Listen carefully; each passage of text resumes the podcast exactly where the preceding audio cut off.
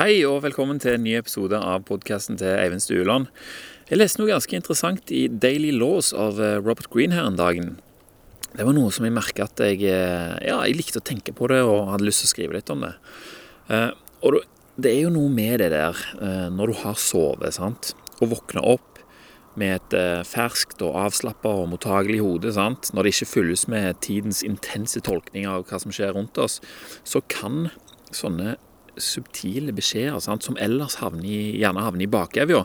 De kan få innpass, og så kan de begynne å forme oss og dagen som vi har foran oss. Sant? Og vi kan dra det så langt vi vil, dette her. Jo mer oppmerksomhet vi gir til en sånn ting, desto mer vil han bidra til å endre retningen som vi er vant med å ta.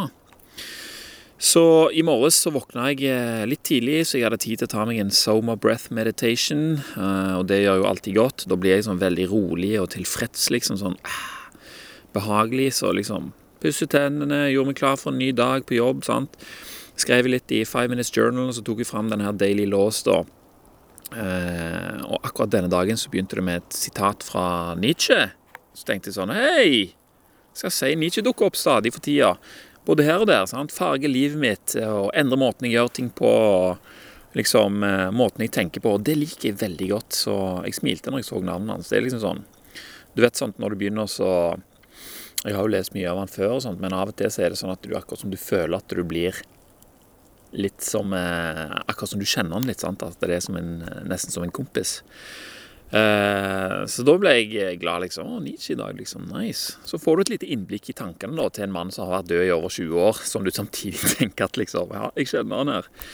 Uh, og det som er litt kult, er jo at uh, selv om det er 120 år siden han døde, så er dette her tanker som fremdeles er i stand til å lære oss å håndtere oss sjøl, til tross for at verden er jo snudd opp ned helt på hodet mange ganger siden den gangen han tenkte disse tankene her. Uh, og denne gangen her så sa han at vi, vi skal ikke snakke noe særlig om liksom begavelse og medfødt talent. sant? Ofte så sier vi det sånn han var født som et geni, liksom, eller han var født med evnen til å gjøre de og de tingene. Uh, og det er veldig lett å si, men egentlig så er det i de aller fleste tilfeller basert på en stor uh, misoppfattelse av hvordan det egentlig skjer. Sant? For vi kan jo nevne alle slags store navn, eh, og mange av de var jo alt annet enn begava. Men de ble til genier, de ble til store menn og kvinner. Eh, ikke av medfødt talent, sånn som vi gjerne ser på det, men heller det at de tillot seg å sette av tid til å oppnå dette her. Sant? De hadde en slags følelse av at dette var verdt å gi energi og tid. Oppmerksomhet. Uh, og da får du litt sånn Hm, det er noe veldig annet enn å raskt slå fast at noen sin eh, suksess var flaks, eller at uh, ting har skjedd helt tilfeldig. Og hvis vi ser for oss at det er sånn det skjedde, sant? at det var flaks, så er det veldig fort gjort at den neste tingen vi gjør, det blir å vente på at den samme flaksen skal treffe oss. Sant? For vi skjønner ikke hva de har gjort som er så annerledes enn det vi gjør som gjør at de fortjener å ha sånn flaks. Og når den flaksen aldri treffer oss, så kan det veldig gjerne gjøre oss kanskje til bitre og misunnelige. Noen som spiller lotto og ser hører om folk i avis og ser liksom på TV at noen vinner jo hver gang, sant? og de får liksom åtte millioner eller så og så mange penger. Sant? Og jeg har jo spilt, jeg òg, liksom, men jeg vinner ikke. Det kan gi den følelsen der. Dette er lotterimentaliteten som vi har snakket om så mange ganger. Og det er jo klart at eh, en dose flaks kan bidra til at eh, ens arbeid når nye høyder og dimensjoner, men det er ikke så reinskåret. Et av de første sitatene som jeg printa ut og laminerte for å henge opp foran pulten min, handler om akkurat dette her. Eh, det er mange kjent person som har sagt, som er sagt og vært kilden til dette sitatet. Både Thomas Jefferson og Ralph Waldo Emerson og Benjamin Franklin. Alle har liksom, Hvis du søker på internett, så, så står alle de der. Alle har for så vidt pondus til å gi sitatet den tyngden det trenger, så hvem som egentlig sa det, eller om alle sa det, spiller egentlig ikke noen rolle. Men eh, på den tiden der så var vennen min eh, Benjamin Franklin Da var det han jeg følte jeg kjente på, på det tidspunktet. Så da ble, ble, det et bilde av han overfor teksten som sa Jeg har sterk tiltro til flaks. Og jeg finner at jo hardere jeg jobber, desto mer får jeg av det. Sant?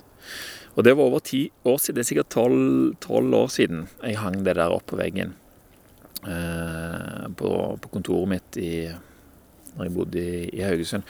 Akkurat nå så henger det i snekkerverkstedet, så jeg ser det ikke like ofte som før. Men når jeg ser det, så er det ekstremt givende å på en måte konstruere fortiden og hva som har skjedd, i det lyset. Sant? At ting jeg har fått til, det har skjedd fordi jeg har jobba for det, og la til rette for at det skulle få muligheten til å skje. sant? Altså Du øker sjansen for at flaks skal treffe deg, som Tim Ferris alltid sier. Og, og, det kan jo se ut som ren flaks fra utsida, men sannheten er at eh, flaksen hadde aldri truffet deg hvis ikke du hadde lagt opp til det. sant? Hvis du ikke hadde gjort det arbeidet. Det er arbeidet som sørger for at flaksen blir nyttig for deg. sant? Den samme sjansen kan ha truffet deg før òg, men du hadde ikke evnen til å gripe den, eller du var ikke i en situasjon der du kunne benytte deg av den situasjonen da, som, som senere i en annen sammenheng kan oppfattes som flaks. da. Men eh, hvorfor ville jeg egentlig printe dette ut? Hva var det som gjorde at jeg ville minne meg sjøl på å jobbe for å få flaks? Det er noe som vi har alle sammen. Det er en slags indre driv til å følge noe som føles som eh, naturlige tilbøyelser i hele vårt vesen, altså hele vår eksistens. Vi har ofte en liten sånn følelse for hva vi har lyst til å gjøre for noe. Hva som interesserer oss. sant?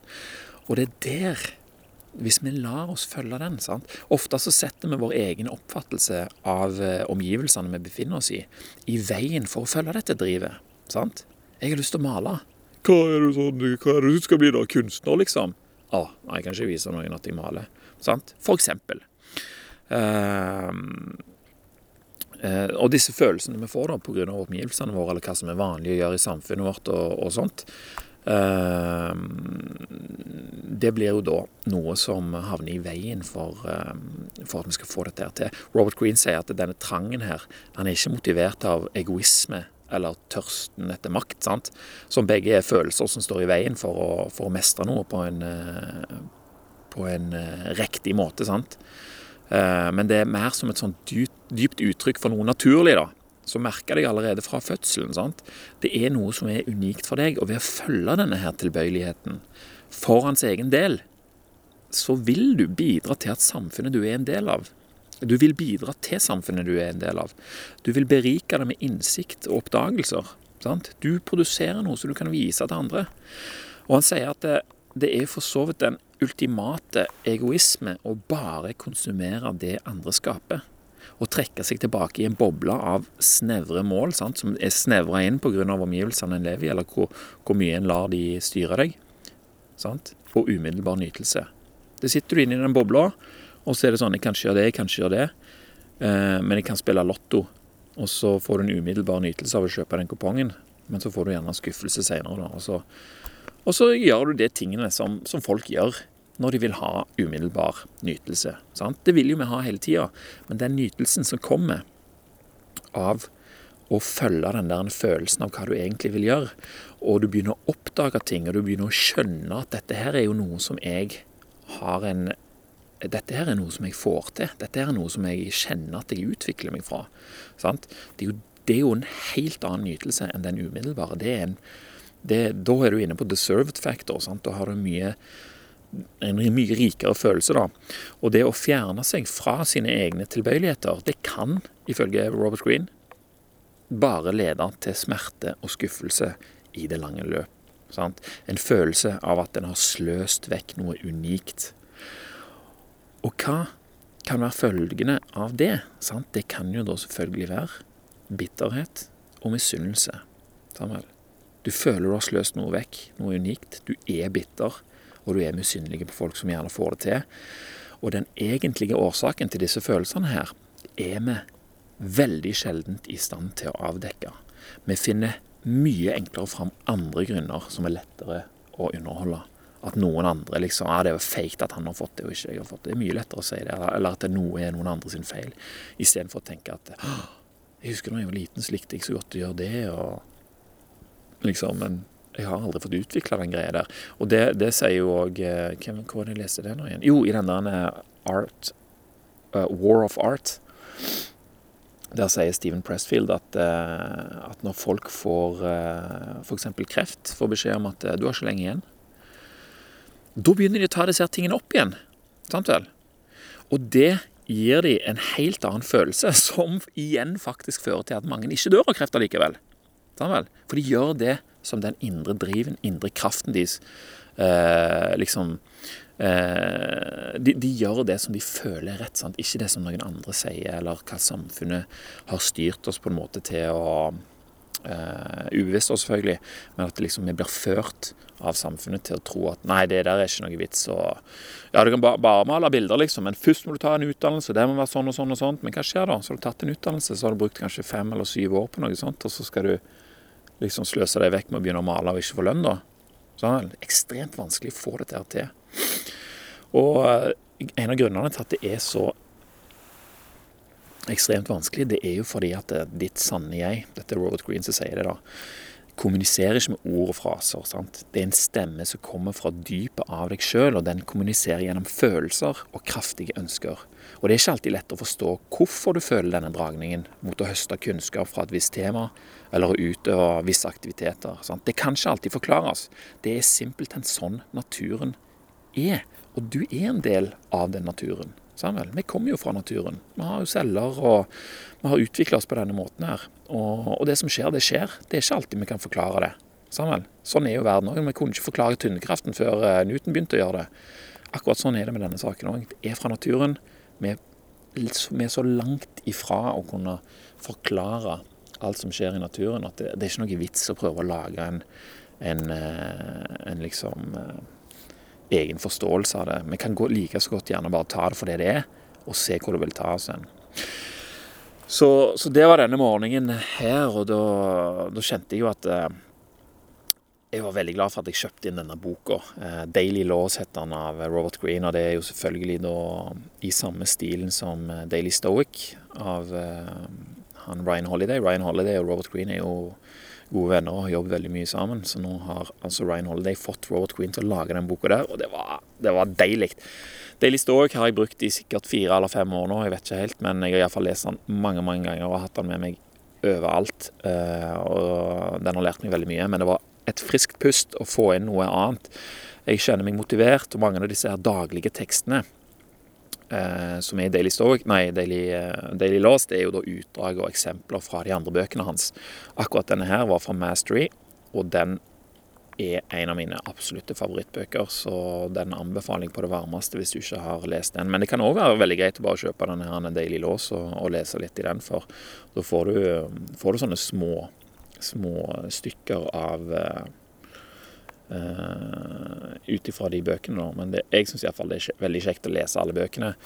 Uh, for da vil disse her små bruddstykkene ta meg tilbake i hva som sto i den boka, og, og, så får jeg på en måte med meg hele følelsen av hvordan det var å lese den, og hvordan det var å forstå hele det kapitlet, f.eks. Men det er sånn jeg liker å gjøre det, så du kan jo gjøre det på, på din måte, selvfølgelig. Uh, men begge, alt fra Robert Green anbefales iallfall på det sterkeste. Så det var det for i dag, kort og godt. Eh, for de av dere som vil bidra til at det kommer flere episoder, at de fortsetter å være gratis og uten reklame, så er det mulig å vippse et valgfritt beløp til 4055 0737. Jeg vil si tusen takk til de av dere som allerede har gjort det. Og når jeg kommer hjem i dag, så skal jeg på posten for å hente en ny mikrofon som jeg har kjøpt for den støtten jeg har fått av dere. Jeg gleder meg, og forhåpentligvis vil det gi alle dere bedre lyd i de kommende episodene. Så det gleder jeg meg til. Takk for meg, takk for nå, og tusen takk til deg som hørte på. Vi snakkes neste gang.